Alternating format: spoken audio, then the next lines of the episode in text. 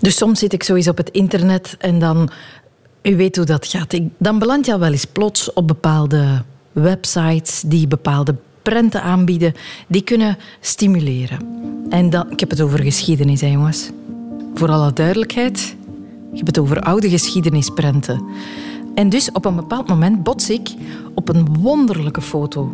Het is een foto uit 1908 met daarop een man die zo vier rechtop staat, donker gekleed, met een echte ridderhelm op zijn hoofd, met een vizier en al. Dus je ziet zijn gezicht niet. En hij duwt een kinderwagen voor zich uit, zo'n oude met van die grote ronde wielen. Hè.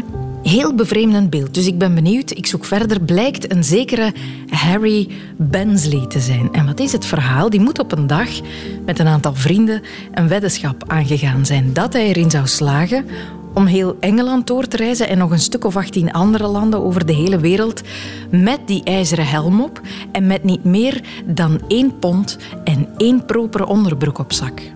Hij moest ook ten allen tijde anoniem blijven, mocht alleen geld verdienen door onderweg postkaartjes te verkopen en tijdens zijn reis moest minstens één vrouw hem ten huwelijk gevraagd hebben. Maar hij mocht dus die helm nooit afzetten, hè?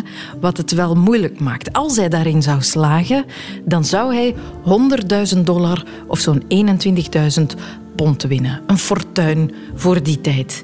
En Harry Bensley heeft dat gedaan. Er bestaan waanzinnige verhalen van zijn avonturen onderweg. Het verhaal heeft ook een waanzinnige afloop, want staat op het puntje van die weddenschap te winnen wanneer de Eerste Wereldoorlog uitbreekt. En hij besluit die weddenschap op te geven om onmiddellijk zijn vaderland te kunnen gaan dienen. Dus na jaren reizen met een ijzeren ridderhelm op, met een kinderwagen, postkaartjes verkopend, geeft hij dat fortuin gewoon op wat een held, dacht ik. Waarom kent niemand die man? Waarom bestaan er geen 66 standbeelden van een man met een ridderhelm en een kinderwagen?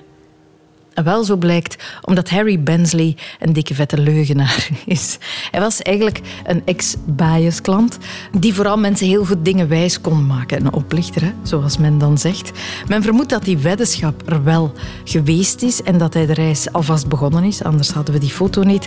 Maar hoe ver hij geraakt is, hoe lang het geduurd heeft, dat weet voorts niemand. Heel, heel erg spijtig. Maar gelukkig zijn er mensen die wel echt de wereld rondreizen. En die verhalen zijn altijd indrukwekkend. Dus daar wil ik het eens over hebben. Welkom in de wereld van Sophie.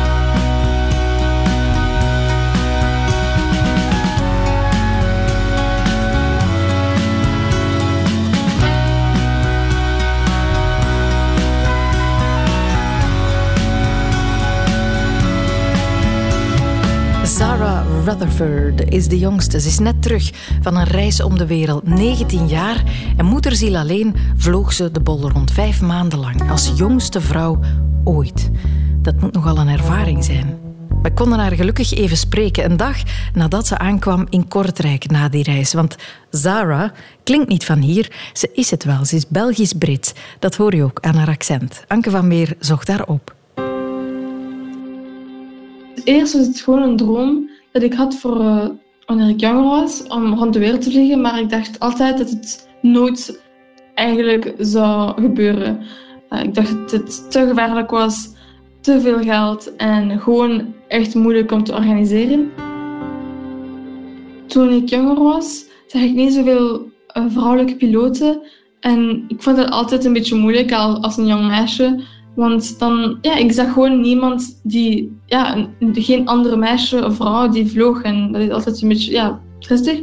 En dus ik wil dat veranderen, zodat er meer vrouwen op een dag in aviatie gaan. En dan is het normaal dat een vrouw in aviatie gaat. Het is niet speciaal, het is gewoon normaal.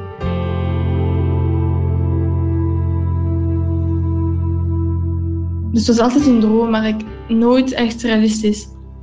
En dan uh, was ik in het zesde middelbaar en ik dacht van school is bijna gedaan, dus ik kan nu iets een beetje gek doen en rond de wereld vliegen. En dus ik heb de route gepland, ik heb sponsorship gekregen en dan begon ik rond de wereld te vliegen. Zara Rutherford has set out to fly solo around the world. At just 19 years old, she'll be the youngest woman ever to do so. And if all goes as planned, she'll set a world record. What did you do when you were 19 years old? Most likely not as much as Zara Vea nada más a esta valiente aviadora. Tiene tan solo 19 años. De jongste vrouw ooit worden die helemaal alleen de wereld rondvliegt. Dat is de missie van Zara Rutherford. Jonge vrouw van De eerste dag, dat was 18 augustus. En die dag, het was, ik was echt nerveus, maar ook blij, maar ook, uh, ja, het is ook een beetje, ik was ook een beetje verdrietig, omdat ik natuurlijk mijn familie ging missen voor, voor zeer lang. Maar uh, het was gewoon een, zeer bizarre dag, want ik was zeer blij, maar ook toch wel verdrietig uh, op diezelfde moment.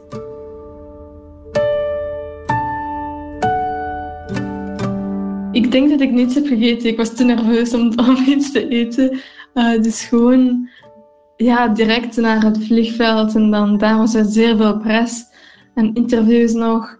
En uh, veel mensen ook. En het was gewoon, er was zeer veel uh, aan het gebeuren. En het was een beetje bizar om, om alles te doen.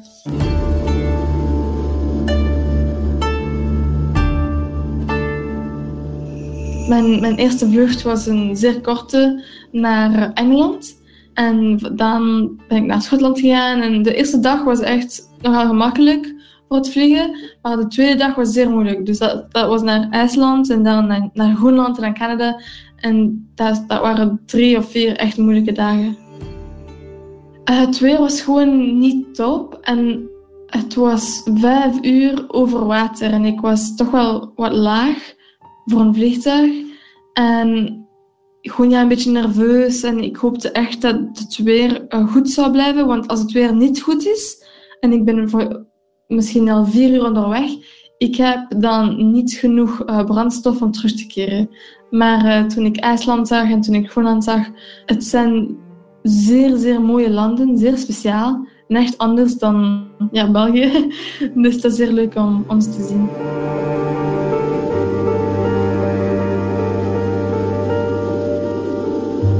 In Ayan, ik was, ik was vast in Ayan voor drie weken.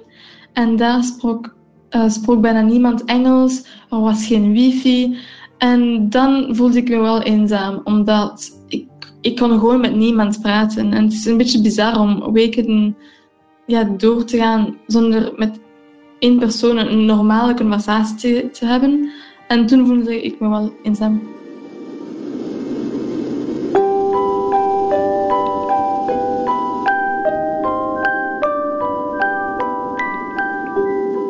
Vijf maanden was echt lang, maar uh, de, de, mensen waren zeer vriendelijk de hele tijd, in elk land. Ook in, in Rusland. In Rusland waren waarschijnlijk de vriendelijkste mensen.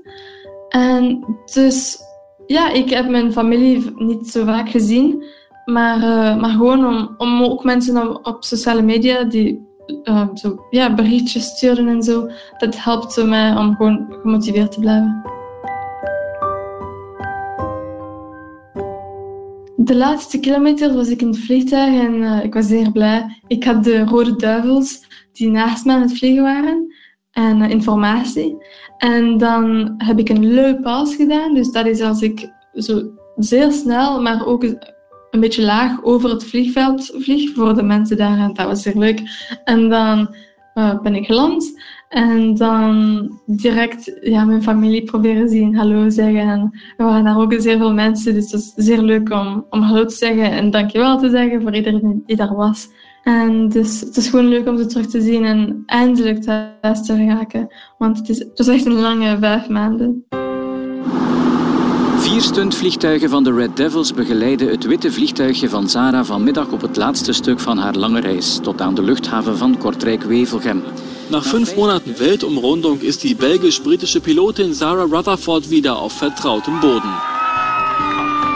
Vandaag landen ze na vijf maanden weer in haar thuisland. A 19-year-old just became the youngest woman to fly solo around the globe.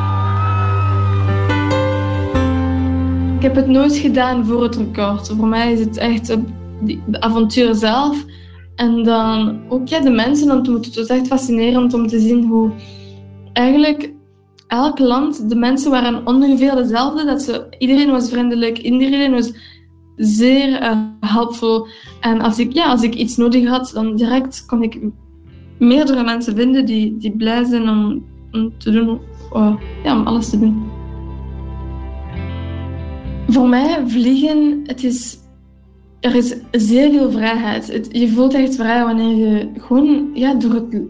Het is echt een bizar idee dat als mensen we, dat we kunnen vliegen. En, um, en de wereld zien vanuit dat perspectief is echt speciaal. En zeker plaatsen waar dat je normaal gezien nooit kan gaan. Gewoon er waren zoveel mensen waar ik dacht, wauw, ik heb echt het is echt speciaal en ik, ik ben daar zeer dankbaar voor ook.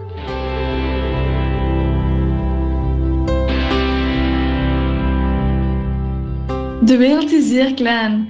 Uh, het heeft wel vijf maanden geduurd om, om rond te vliegen, maar het is echt zeer klein. En zeer klein, maar ook zeer groot. Dus vanuit, zo in Brussel ik heb altijd mensen gezien, of altijd iets menselijk. Er is altijd een straat, er is altijd een gebouw ergens, of gewoon uh, ja, kabels. Of, je ziet altijd iets um, menselijk. Maar in Siberië, Saudi-Arabië, er zijn zoveel kilometers waar je gewoon niets menselijk ziet. En het is echt speciaal om te zien. Het is een beetje bizar ook. Ja, het is, het is echt... En ook om te zien hoe dat ja, iedereen is een beetje hetzelfde rond de wereld. Iedereen had dezelfde problemen, maar ook dezelfde dromen. En dat is echt leuk om te zien. Een droom is om één dag een astronaut te worden. En dan hoop ik, ik hoop ook op, uh, om naar een universiteit te gaan in september. Een ingenieur te studeren. De ambities liggen hoog bij Zara Rutherford. Na een reis om de wereld wordt het een reis naar de ruimte. Zara is de jongste, ik zei het al, in leeftijd, maar ook in de betekenis van de recentste, de laatste om toegevoegd te worden aan een lang lijstje rond de bolreizigers. En helemaal bovenaan dat lijstje staat Ferdinand Magellaan. In 1519 vertrekt hij, ergens in de kuststreek rond Cadiz in Spanje, met vijf schepen en 270 manschappen. Ja, het plan van Magellan, die eigenlijk een Portugees was, maar in Spaanse dienst komt, dat is om te kijken of hij voor de Spanjaarden eigenlijk niet langs het westen om in de richting van de specerijen-eilanden kon geraken, de Molukken. Dat was toen de grote bron van specerijen. En daar droomde iedereen van. En de Portugezen nou, die hadden de toegang tot het oosten. En hij wou langs het westen. Dit is professor Johan Verberkmoes, cultuurhistoricus aan de KU Leuven. Het is ook niet zo zeker of hij eigenlijk wel het doel had om rond de wereld te varen. Ah, ja. um, hij is wel een van de eerste die goed begint te beseffen dat inderdaad uh, dat je van langs het westen door naar Azië kan geraken, langs de zuidpunt van Zuid-Amerika. Maar misschien wou je gewoon wel terugkeren met een van die schepen langs die route. Want hij zocht eigenlijk een Spaanse route naar het oosten. En die lag dan langs het westen, waar eh, de Spanjaarden al in Amerika zaten. Mm -hmm. Ja, want er waren uh, wel al missies geweest op verschillende routes. Per zee waren al bevaren. Maar de volledige rondreis die was nog nooit door iemand gedaan. Nee, niemand had het ooit aangedurfd om langs de zuidpunt van Zuid-Amerika te varen. Er waren een paar kleine indicaties dat dat mogelijk zou zijn. En het is toch wel zijn lef geweest en een aantal Portugese cartografen die aan boord had genomen en astronomen die zeer goed koersen wisten te berekenen. Het is hun lef dat er toch wel voor gezorgd heeft dat men uiteindelijk die doorvaart heeft gevonden. Die Magellan, wat voor iemand was dat? Wat weten we daarover?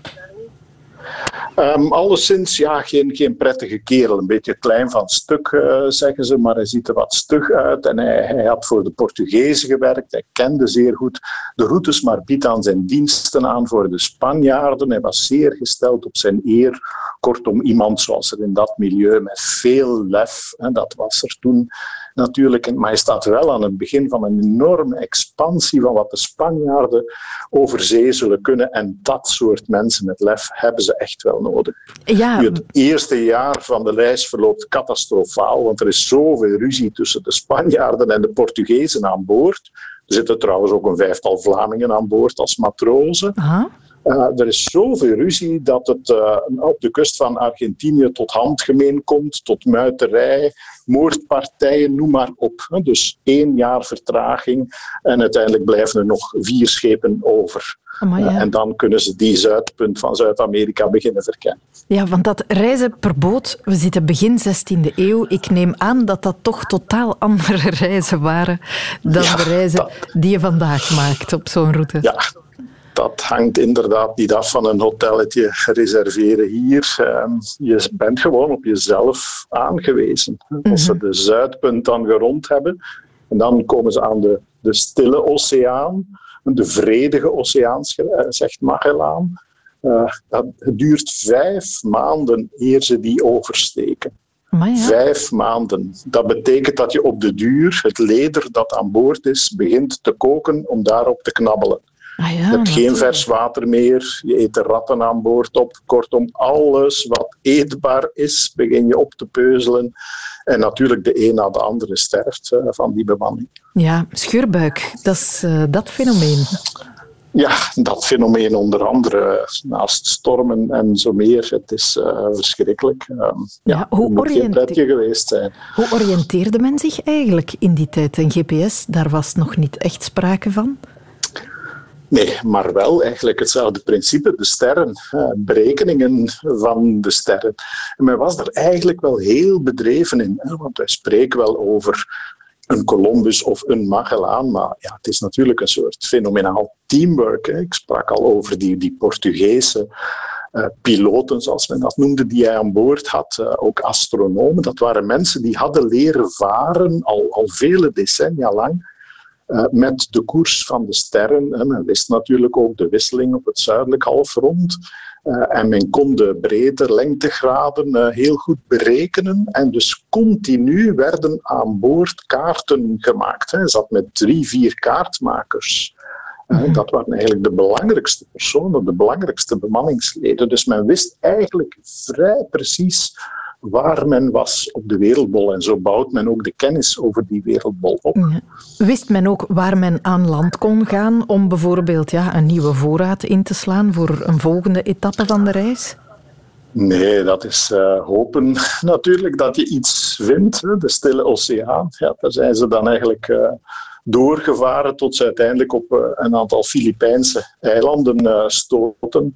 Eh, maar bijvoorbeeld een aantal kleinere Marianen-eilanden en andere of hebben ze niet aangedaan. Australië, Nieuw-Zeeland helemaal niet gezien. Dus men wist natuurlijk niet hoe de precieze locatie van al die dingen was. Wat men wel wist, dat meer noordelijk China Japan was, maar daar wou men niet terechtkomen, want dat waren uh, ook eigen zeevarende naties die, die op zich uh, een gevaar vormden natuurlijk voor die Spanjaarden. Ja, men zat niet bepaald uh, verwelkomend te wachten op dat soort schepen die kwamen aanvaren. Ze hadden vaak conflict op de plek waar ze toe kwamen.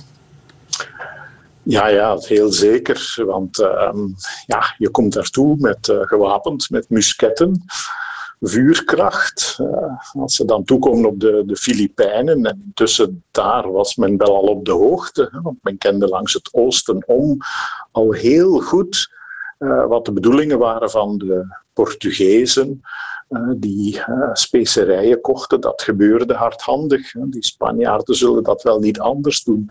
Mm -hmm. um, maar ja, het, het, het, is telkens een beetje afwachten. Het kan ook zijn dat de lokale bevolking jou onthaalt om effectief handel mee te doen. Er is altijd een beetje de mix van sommigen zien jou eigenlijk wel graag komen, want dat biedt dan weer voor hen zelf handelsmogelijkheden of een tegenzet tegen Chinese handelaren bijvoorbeeld, die op dat moment ook in de Filipijnen aanwezig zijn. Ja, ja.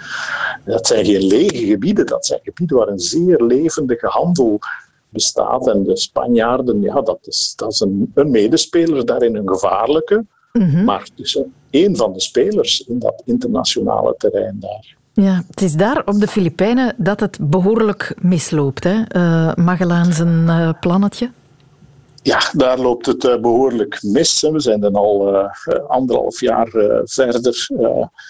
op 27 april 1521. Ze zitten dan op het eiland Mactan. Neemt Magellaan een beetje de, de onbesuisde beslissing. Het zal zijn karakter geweest zijn. Hij kiest eigenlijk voor één van de lokale bewoners daar, die een oorlogje hebben met bewoners een paar kilometer verderop. En hij kiest hun kant en ze gaan in een veldslag. Maar de tegenstrever heeft eigenlijk gemerkt wie de kapitein was, de leider van die Spanjaarden en Magellaan wordt eruit gehaald. Hij krijgt een bamboe, een giftige bamboepijl in het rechterbeen, uh, een zwaardhouw in het linkerbeen enzovoort. En hij sterft letterlijk uren na die kleine veldslag. Maar dat weten we zo gedetailleerd, dat hij een gifpijl, een ding in links, rechts, uh, het is goed gedocumenteerd, blijkbaar. Ja, ja, er zitten altijd uh, schrijvers aan boord. Hè. Die, die, hebben altijd mensen, niet alleen cartografen aan boord, die de kaarten, de zeekaarten maken, maar heeft ook een Italiaan mee, Pigafetta, die een verslag over die reis schrijft. De zeelieden worden dan ondervraagd, er verschijnen reizen, uh, reisverslagen nadien. Um, er wordt wat opgetekend, maar natuurlijk zit daar ook een beetje mythevorming bij. Hè. De, mm -hmm. de leider van die... Uh, van die groep zou een zekere Lapu Lapu geweest zijn. Een man die nu een standbeeld heeft gekregen op de Filipijnen als de eerste die gedurfd heeft om de Spaanse kolonisator aan te vallen. Dus uh, ja, er zit wel wat mythevorming aan de twee kanten. Ja, ja, ja. Maar dus, Magellaan heeft die reis rond de wereld waarvan toch, er staat toch boekstaaf dat hij die als eerste gemaakt heeft. Ja. Hij heeft die eigenlijk niet volledig gemaakt. Nee, hij heeft ze niet overleefd. Um, dat klopt. En dan stond de bemanning daar, intussen uitgedund tot drie schepen. Um, en dan moesten ze beslissen, aarzelen wat, ze verliezen nog een schip. En dan beslist één van hen, oké, okay, ik zal terugvaren langs de Stille Oceaan en zo terug naar Spanje. Mm -hmm. Maar die zullen uiteindelijk nooit vertrekken en, en ook in de pan gehakt worden. En dan uiteindelijk één schip beslist dan uh, om met een, een, een Spaanse uh, bevelvoerder die dan het uh, bevel heeft overgenomen, beslist dan om terug te varen, toch helemaal door de Indische Oceaan langs Kaap de Goede Hoop. Dat wil zeggen, een gebied waar eigenlijk de Portugezen, hun vijanden, zaten, mm -hmm. om langs daar te varen. Amai, wauw. En zij zijn het die als eerste de reis rond de wereld maken. Zouden die Vlamingen nog op dat schip gezeten hebben bij de, de laatste gelukzakken? Um, die zijn er intussen één voor één. Uh, er is er eentje, een Antwerpenaar, is op de Stille Oceaan ergens uh, overleden. Uh, de anderen zijn ook verdwenen. Er is er nog eentje die aan boord zit van dat laatste schip, volgens de passagierslijsten die we hebben van de Spaanse administratie, een zekere Roulante Argote uit Brugge, uh, een kanonier, hè, dat was de specialisatie van de Vlamingen. Uh, erg nuttig dus, maar die krijgt net nog ruzie ergens aan de Canarische eilanden oh, nee. en die wordt overboord gezet. Dus in het zicht van de eindmeet heeft die bruggeling het niet gehaald. Oh nee, wat een tegenslag. En van, oh, dat, je moet nog wel eens, je moet er toch maar zin in gehad hebben in die tijd om aan zo'n reis te beginnen. Als je dat hoort, je vertrekt met vijf schepen en er komt er één terug met een handvol ja. bemanningsleden. Dat ja. waren nog wel eens avonturiers. Dat waren avonturiers. Uh, september 1522, een volle drie jaar na vertrek, zijn ze terug met 18 manschappen.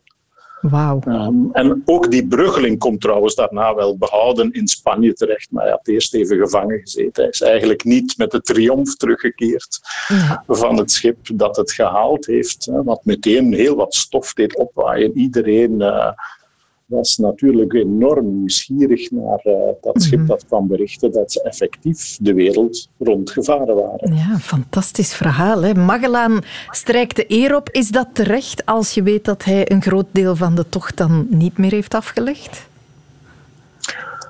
Ja, toch wel, want uh, hij heeft uiteindelijk het opzet. Al in 1518 uh, kan hij keizer Karel, uh, die de, de, koning van Spanje was, overtuigen, of de administratie beter overtuigen, om dat plan op te zetten. Er moet ook nog wat privékapitaal bij, een zekere Uh, Cristobal de Haro, een handelaar die trouwens ook in Antwerpen actief is, um, is, is een van de financiers van de onderneming. Dus hij heeft het effectief wel opgezet. Uh, hij had mhm. ook de cartografische intuïtie van dat varen langs het westen. Ik kan langs de Rio de la Plata in Argentinië en als ik zuidelijker vaar, dan kan ik rond Zuid-Amerika. Dat waren allemaal dingen waar zijn overtuiging toch wel de cruciale rol heeft gespeeld. Ferdinand Magellaan verdient zijn eervolle vermelding. Maar Roland uit Brugge toch ook, zeg. Wat een tijden. Nu is reizen op zee sowieso niks voor watjes. Ook vandaag niet. Zelfs in onze moderne tijden word je onderweg blootgesteld aan duizend gevaren per uur als je de grote oceanen oversteekt. Dus je moet er zowel wat te type voor zijn om al die onzekerheid aan te kunnen. Jean Heilbroek uit Gent heeft het ook gedaan. Op zee, de wereld rond, helemaal alleen, met een oud, gammel bootje. In 1989 was dat. Een soort midlife crisis impulsief ideetje, weg van zijn problemen. Hij vertelde zijn verhaal aan Brecht de Volderen. Hij vertrok vanmorgen in Blankenbergen helemaal alleen. Op zijn speciaal daartoe ontworpen 9 meter jacht. Ik wil het gewoon doen. Uh, waarom? Ik heb een hekel aan waarom, dus ik kan er moeilijk op antwoorden. Je wil iets doen en je doet het. Dood gewoon. Hebt u geen schrik? Ja. Waarvoor onder meer? Ja, meestal voor mensen. De natuur die neem ik aan. Dus uh, dat is ook schrikwekkend, maar die is niet zo traumatiserend als uh, het probleem met mensen. Ik heb Hans mijn leven altijd een autodidact geweest, ook op dat gebied. En uh, dus bijna nooit met andere mensen meegezeild, alles alleen geleerd uit boeken. En omdat ik een schamel bootje heb, heb ik nooit niemand willen meesleuren in dat onverantwoord avontuur. Ik ken zelf niet zoveel van zeilen, hè? maar wat ik wel weet is dat solozeilen een keiharde discipline is. Ja, je moet drie handen hebben, ja. Want er zijn constant reparaties en uh, regelingen aan een boot, zeker als het een oud bootje is. Dus je moet zowel hout of, of motor of uh, zeilen naaien of, uh, enzovoort enzovoort. Zonder de navigatie van die tijd nog te vertellen, die dus volledig uh, gebaseerd was op hemellichamen en niet zoals nu. Hoe jij kijkt naar de sterren om... ik heb mezelf dan in de tuin geleerd met de sextant, dus een hoekmeter. En met de stelling van Pythagoras kun je dus met de zon, met de maan en met planeten kun je een positie bepalen. Of eerder een positielijn. En daar komt de uitdrukking in Vlaanderen van ik ben op de hoogte. Want dat noemt een hoogtelijn. Dan weet je op welke lijn je zit. Ja, ik, uh, ik heb de GPS omarmd. Ja, ja, dat is van uw generatie. Door de GPS is er dus uh, een heleboel zeilers. Natuurlijk zijn er ook zeer goede zeilers bij, maar er zijn veel mensen die beter iets anders zouden doen. En omdat er zeer veel rijkere mensen, die dus die berekening allemaal niet konden, nu ook een boot gekocht hebben door de GPS, is alles zeer duur geworden.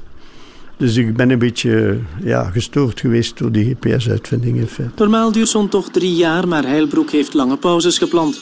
Hij wil alleen reizen in de beste weersomstandigheden. Met de frisse wind 5 tot 6 Beaufort, begeleid door een reeks zeiljachten, vertrok Heilbroek richting Engeland. Van daaruit naar de Canarische eilanden, daarna de Atlantische Oceaan over. Via Panama, Australië en Indonesië vaart hij terug, aankomst 1992. Ik heb maar een paar maanden beslist, ik was werkloos geworden, om die reis te ondernemen. En ik was 45 jaar. Ik was dus in mijn puberteit, ja. manier van spreken. maar ja, in het begin van mijn wereldreis was ook de motor al stuk. Heb ik moeten verder varen zonder motor. En zonder dus elektrische energie. Ik was maar pas in Engeland en de boot liep al vol water. In een 6 Beaufort. Dus ik heb nog drie weken moeten repareren in Portsmouth. Maar na die interviews kon ik niet meer terug. ik bedoel, eh, je zit er op televisie je plannen uit te leggen en van alles. En dan uh, een week daarna keer terug. Dat, dat ging niet. Dus ik zat daar echt uh, met, met de schrik en met de frustratie van ik moet die boot hier toch min of meer repareren. En ik ben dan in de gevaarlijkste maand de Golf van Biscay overgestoken in september. Met nieuwe latten tussen romp en dek, daar liep het water in. Die ik dus uh, gevezen heb en geïsoleerd heb en proberen waterdicht te maken. En dan ben ik zo tot in Spanje gesukkeld. Dat was het begin, ja. Van die vijf jaar. Hè.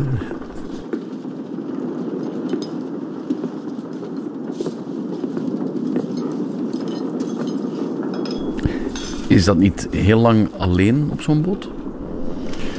Oh, kijk. eh, in feite, eenzaamheid is niet, is pejoratief of niet negatief. Je kunt ook, eh, soms is het gemakkelijker in zekere situaties om alleen te zijn. Dan, zeker uw eerste oceaan, dat is zeker een maand zonder contact. Onmogelijk. Ik had nog mijn appendix, dus ik mocht geen appendiciet hebben of het was dood.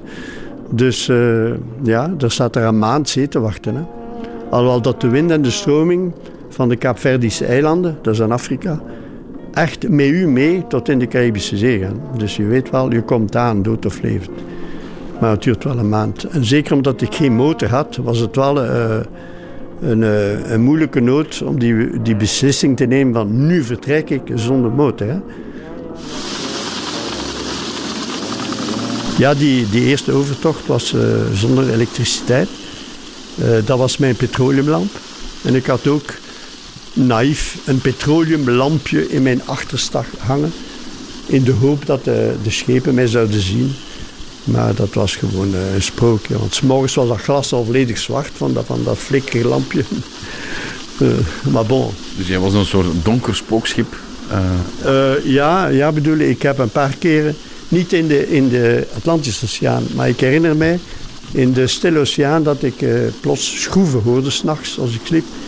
Die naast mij eh, voerden, eh, die mirakelijks eh, misten. Het is niet, niet de bedoeling is niet met dat je alleen vaart op zee. Dat is in geen enkele wettekst. want de wet verplicht u om altijd een oog in het zeil te houden. Dat is ook zo'n uitdrukking van de scheepvaart. Je moet dus altijd wachtlopen. Maar dat is een utopie. Je, kan, je moet slapen. Dus. dus de wind die mijn piloot deed werken. En, en dat was met de zeilen en de wind eh, werd dat geregeld. En die boot vaarde dus alleen, s'nachts. Uh, 12 uur, want in de subtropen en de tropen heb je, heb je 12 uur nacht. Hè. en dan s ochtends sta je op eh, of blijf je alles liggen? ik weet niet. Toch sta ik op, eh, klaar. Want het eerste werk was vissen. En eh, ik had iedere keer prijsmorgens met enorme vissen, veel te groot. Eh, in het begin begon ik dan maar te versnijden en te drogen en doen. Maar ik zei, les Jean, dat is al dat werk. Die boot, dat was er een echte vismarkt. Dus ik sneed daar een stuk uit en eh, de rest was voor de haaien. Ik vangde toch genoeg vis. En moest ik niet vangen, mijn dek lag toch vol met vliegende vissen van s'nachts die op mijn dek gevallen waren. Alleen gevlogen. Dus eten genoeg. En in vele landen heb ik meer last gehad met politie dan met uh, dan piraten. Die hebben de corruptie. Gelijk in Senegal heeft de politie mij alles afgenomen.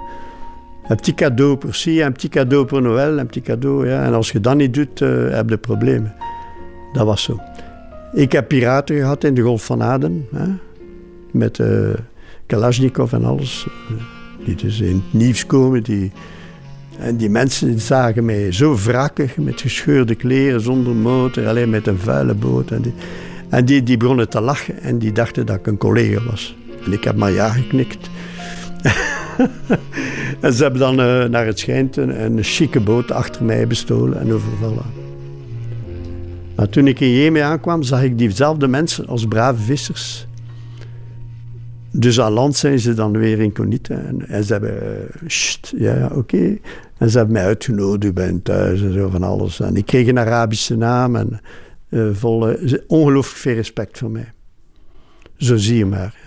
Jean Heilbroek werd vanmorgen feestelijk onthaald. In een bevlieging stortte de Gentenaar zich in het ongewisse. Ik heb gewerkt als uh, duiker. Ik heb gewerkt als visser. Ik heb gewerkt als schilder.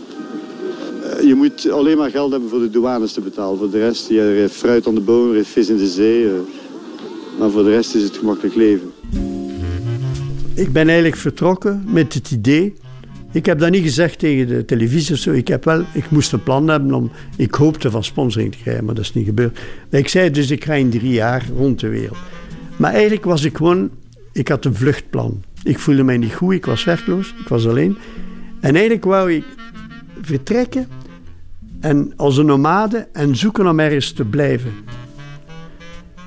Maar dat is niet gelukt. Ik weet niet, ik ben altijd steeds verder en verder. En toen kwam ik over de helft.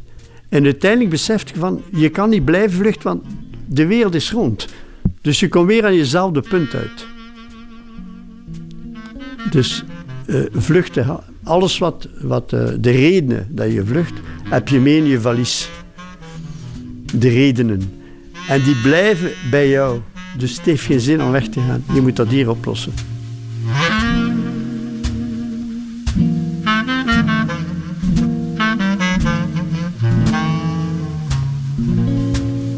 Solozeiler Jean Heilbroek heeft wel wat waardevolle levenslessen opgedaan tijdens zijn reis rond de wereld. Hij schreef er trouwens een boek over dat heet De wereld is rond. En er is natuurlijk nog een ander boek dat je moet lezen hè, als je ooit wereldreisverlangens hebt. Het boek der boeken voor al wie dit soort verhalen fantastisch vindt. Dat is Reis om de wereld in 80 dagen van Jules Verne. Een formidabel boek uit 1873. Docent Franse literatuur en cultuurgeschiedenis Alexander Roze en de UGent heeft het al drie keer gelezen. Um, het is een weddingschap. Een weddingschap tussen gentlemen in een Engelse club. En die, uh, die uh, heren zit, hebben eigenlijk een heel gestructureerd leven. De, een beetje zoals Kant, die de, elke dag hetzelfde parcours liep, loopt Phileas Fogg, want dat is de held, elke dag hetzelfde parcours, geminuteerd. Um, die weet perfect welk pak hij gaat aandoen, wat hij gaat doen die dag, wat hij gaat eten, welke krant hij gaat lezen, hoeveel minuten dat hij er gaat aan besteden. Maar tijdens een partijtje wist um, lopen de, de heren het, de dag en het nieuws uh, nog eens over en uh, bekijken dat nog eens en, en, praten daarover. En dan signaleert iemand een artikel dat net gepubliceerd is over zo'n wereldreis die net gemaakt is in 80 dagen. Of die mogelijk zou kunnen gemaakt worden. Mm -hmm. En waarbij um, uh, een van die mannen zegt, enfin, dus ze, ze, zitten in een soort parallele discussie, maar een, een van die heren zegt van dit is toch totaal onmogelijk. Um, en dat wordt meteen ook bijgevallen door ze spelen met vier kaarten, door iemand anders. Um, en dan zegt Phileas Fogg, maar nee, dat is perfect te doen. Um, en dan komt, komen ze heel snel tot laten we erop wedden. En hij weet zijn half fortuin dat hij het kan. De, de, het vreemde zit hem in, het, in de spanning tussen die Engelse gentleman die bekend staat om zijn uh, stoïcijnse, flegmatische houding, die, zo, dus de, die hele georganiseerde dag heeft, en dan plots... Op een, uh, ja, uh, in, in, een, in een domme discussie dat allemaal wilt omgooien en bereid is om, uh, om, ja. om dat eens uit te testen. En dan, uh, ja, die heren nemen dat heel snel au serieus. en de dag daarna moet hij vertrekken, of hij of vertrekt hij om, ik geloof dat het is om kwart voor acht in, in St. Pancras, of in een van de, van de uh, stations, moet hij naar Dover en van Dover naar Parijs en van Parijs gaat hij naar uh, het Suezkanaal en van, uh, van Brindisi en van het Suezkanaal uh, naar Indië en dan door Indië en dan naar Japan en dan San Francisco door de Verenigde Staten en dan terug naar Engeland. In 80 dagen met alle mogelijke transportmiddelen die je, die je daarvoor kan voorstellen. Dus met de boot, met de stoomboot. Um, op een bepaald moment zit hij in de trein en dan het treinspoor is eigenlijk nog niet aangelegd. Dat staat niet in het boekje. Maar zegt de conducteur, nou ja, iedereen weet dat hij de trein neemt. Um, om dat dan te verhelpen, moeten ze met de olifant, kopen ze meteen een olifant. Hij reist wel met enige middelen, moet wel gezegd worden. Heeft wel wat, um, uiteindelijk is de inzet ook hoog. Ja, de inzet is hoog en dus kan hij ook, om, om, dat, uh, om, om het te halen, wel wat geld opsparen. Met het idee van, ja, als ik, als ik, het, als ik de weddingschap win, dan win ik het ook, dan win ik het ook terug. Mm -hmm. En dus op de, de olifant op, um, hij uh, durft ook aan, aan uh, bestuurders, machinisten vragen om het allemaal wat, sneller te laten verlopen, koopt op een bepaald moment een trein. Um, dus dat, uh, um, hij zet wel wat geld in om uh, het objectief te halen, maar hij blijft eigenlijk flegmatisch, ongelooflijk cool, um, in de zin van... Uh, niet in de moderne zin, maar koelbloedig, dat is het woord. Ja. Um, ik, ik heb dat, dat boek nu uh, drie keer gelezen. Ja. En, uh, en het beste wat ik kan zeggen is, lees het. Um, in de zin van, dit is zo spannend, dit is zo goed geschreven, dit is zo intelligent, in de zin dat hij um, heel snel er een parallelle intrigue doorweeft, die het allemaal nog spannender maakt. En tegelijkertijd, um, in elk land waar hij komt, Phileas Fogg, ehm, het land beschrijft. Maar hij, ook dat is echt ongelooflijk intelligent gedaan. Dus Phileas Fogg is alleen maar bezig met het, het objectief. Zo van, we moeten hier, of en voornamelijk, we moeten gewoon op tijd zijn. Ehm, maar hij heeft een knecht bij, dat is een Fransman. En die Fransman die is wel nieuwsgierig. Dus het is, Fogg is nieuwsgierig, maar die schakelt die nieuwsgierigheid uit. En die Fransman die is wel nieuwsgierig en die bekijkt dus het land. En dus ondertussen leer je heel veel over Indië, over Hindoeïsme, over Japan, noem het. Um, en dat was ook het, ja, het hele objectief van, van Jules Verne, die, uh, die reeks. Het is leren door vermaak. Ja.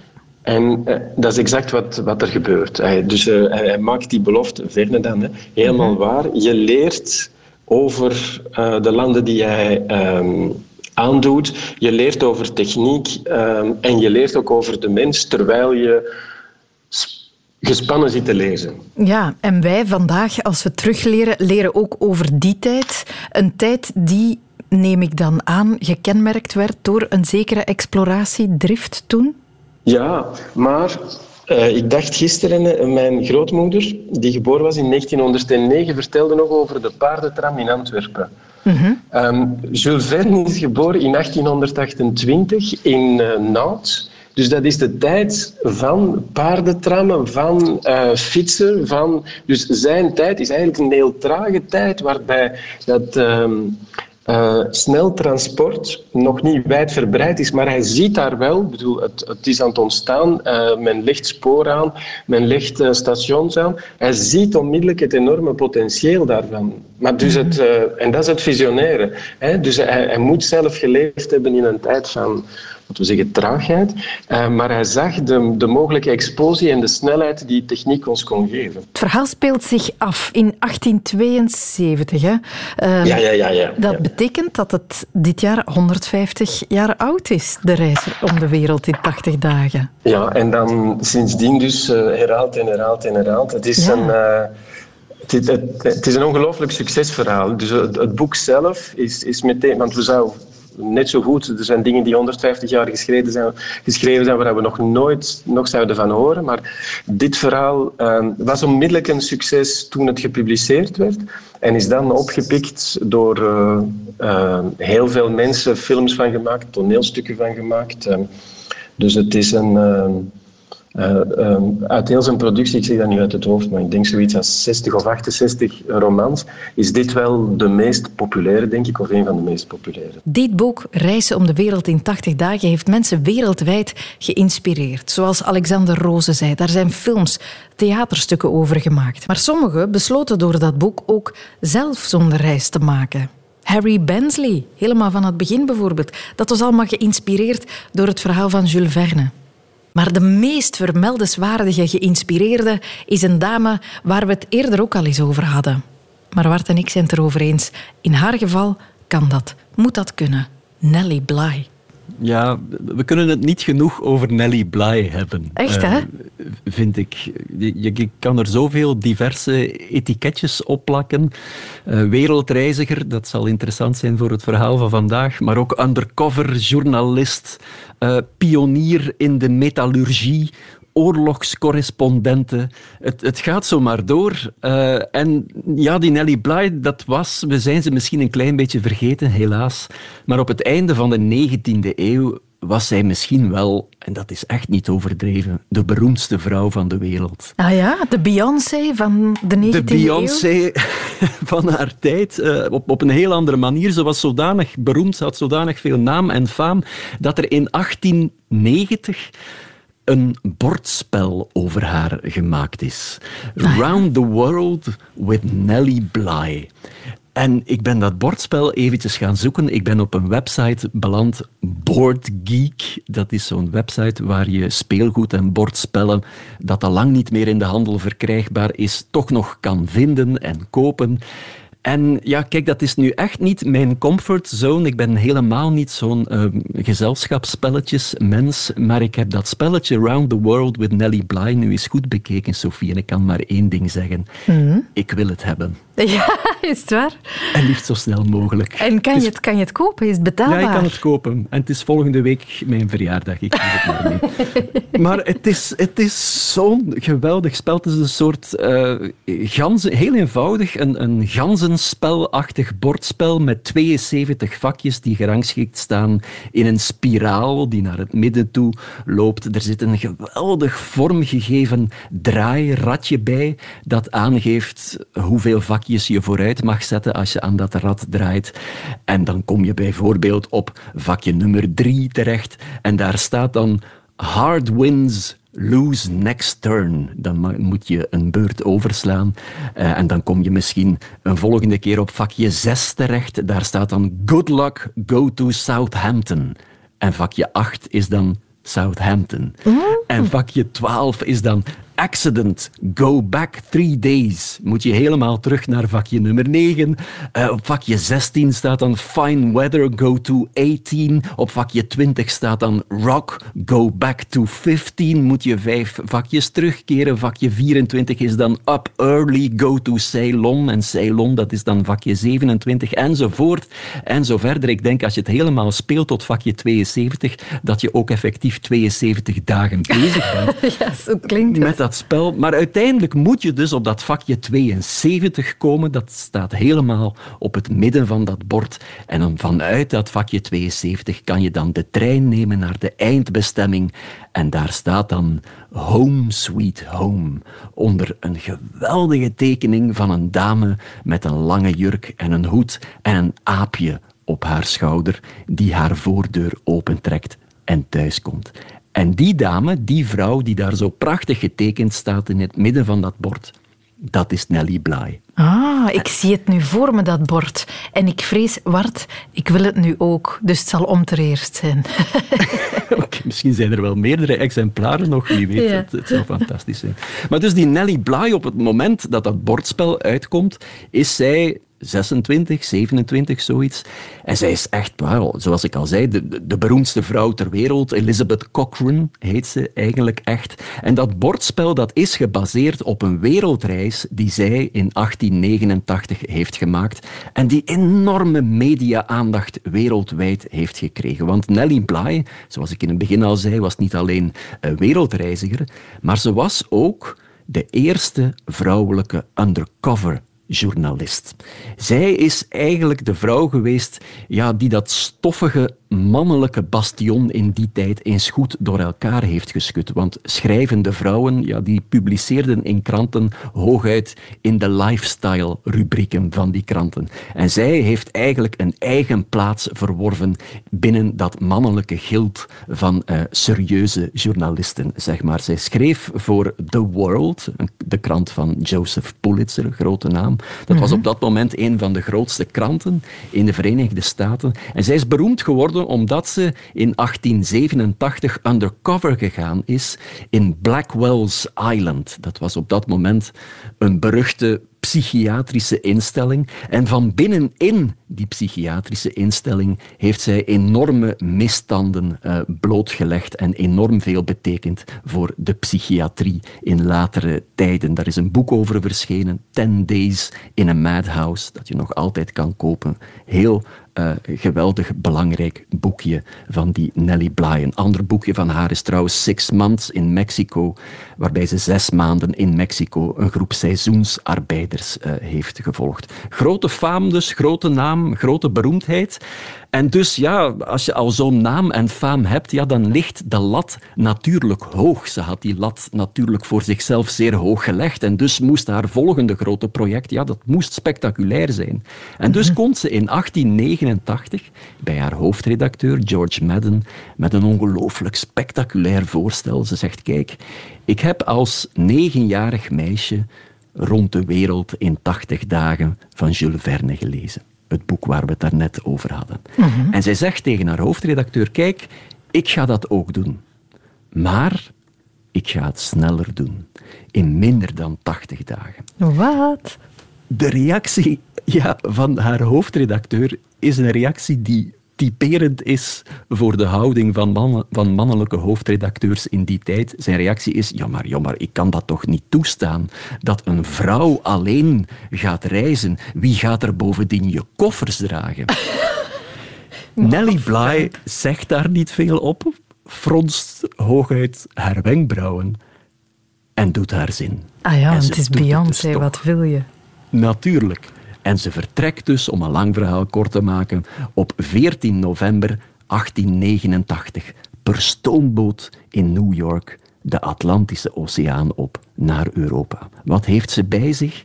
Eén jurk, de jurk aan haar lijf, één dikke jas, wat toiletspullen in een zakje en een tasje rond haar nek met een schriftje in, wat potloden en 200 dollar om onderweg toch iets te kunnen kopen. Dat is een enorm, dat vertrek van eh, Nellie Bly, dat is een enorm mediaspectakel. Want The World, haar krant, ja, die poken dat nog een klein beetje op. En die organiseren een wedstrijd voor hun lezers. De lezers die kunnen raden op elk moment waar Nellie Bly zich exact bevindt. En wie er het dichtste bij is, die wint een reis naar Europa en nog wat budget om in Europa uit te geven. Het wordt nog groter als de grote concurrent van The World, de Cosmopolitan, beseft ja, van goh, al die aandacht voor The World en voor een van, haar, eh, van hun journalisten, wij moeten ook iets doen. En wat doen zij? Zij laten dezelfde dag, diezelfde 14 november 1889, ook een vrouwelijke wereldreiziger, Elizabeth Bisland, vertrekken. Met dezelfde opdracht als Nellie Bly, dus in minder dan 80 dagen de wereld rond. Maar zij laten haar vertrekken langs de andere kant. Dus terwijl Nellie Bly de stoomboot neemt richting Europa, neemt Elizabeth Bis- Bisland op hetzelfde moment de trein naar de westkust van de Verenigde Staten, naar San Francisco. Maar dus Nellie Bly, die vaart naar Engeland. Vanuit Engeland gaat ze naar Frankrijk. In Frankrijk ontmoet ze trouwens in Amiens Jules Verne, haar grote held. Ah ja? Echt? Die hebben elkaar ontmoet? Die hebben elkaar ontmoet, meer nog op vraag van Jules Verne zelf. Omdat tot haar verbazing Jules Verne een grote fan bleek te zijn van haar werk. Dus zij ontmoeten elkaar in Amiens. Een korte ontmoeting, want Nellie Bly heeft natuurlijk niet veel tijd. Ze heeft haast, ja. Het is gehaast. En ze gaat via Zuid-Italië en het Suezkanaal, dat dan nog maar een jaar of twintig open is, naar Singapore. Daar koopt ze een aap, de aap die afgebeeld staat op het bordspel. Ze gaat Oké. vandaar naar Hongkong, waar ze hoort over de reis van Elizabeth Bisland. Ze wist dat nog niet op voorhand. Ze is lichtjes geïrriteerd over dat plan van de Cosmopolitan. Maar goed, ze, be- ze besluit om er zich niets van aan te trekken. Ze reist door naar China, waar ze een lepra-kolonie nog even bezoekt. En via Japan gaat ze met de boot over de Stille Oceaan terug naar San Francisco, waar haar hoofdredacteur een trein voor haar chartert terug naar New York. Dat was nodig, dat laatste, omdat Nellie Bly door het slechte weer eh, een paar dagen tijd was verloren op de Stille Oceaan. En wat Phileas Fogg mag doen, namelijk een trein kopen eh, om zijn reis te vervolmaken, dat mag Nellie Bly ook, vind ik dan. Ja, ja, eh, eh, wel, eh, kopen, dat weet ik niet of ze dat gedaan heeft, maar ze heeft alleszins wel een beetje hulp gekregen van de hoofdredacteur Mhm. om dus op 25 januari 1890, dat is dus morgen exact 132 jaar geleden, laten we dat gepast vieren morgen, aan te komen terug in Hoboken, New York. Ze heeft er dus exact 72 dagen, 6 uur en 11 minuten over gedaan. Formidabel. Opdracht geslaagd. Sneller dan Phileas Fogg. En op dat moment uiteraard ook een wereldrecord dat, voor alle duidelijkheid, niet gebroken wordt door die Elizabeth Bisman van de Cosmopolitan. Want zij komt een dag later pas aan. Na 73 dagen. Ook zij heeft wat vertraging gehad op de Stille Oceaan. Ja, dus die Nellie Bly, daarmee werd haar wereldfaam nog maar eens bevestigd. Hè. En dat is later alleen nog maar meer gebeurd. Ze is dan later nog oorlogscorrespondente geworden in de Eerste Wereldoorlog. En na de dood van haar man, die eh, CEO was, om een moderne term te gebruiken van een metaalverwerkend Net zeggen, bedrijf. bestond dat toen al? Uh, waarschijnlijk niet, maar dus haar man was CEO, baas van een metaalverwerkend bedrijf. Die is gestorven. Zij is dan aan het hoofd gekomen van dat bedrijf. En ze is dan nog betrokken geraakt bij de uitvinding van, hou je vast, de melkkit zo'n metalen vatje van 40 liter om melk in te transporteren. Dus een ongelooflijke veelzijdige vrouw die vereeuwigd is op een bordspel. Wat een vrouw, hè? Nellie Bly. Vergeleken met haar verbleken dat soort pipo's als Harry Bensley totaal.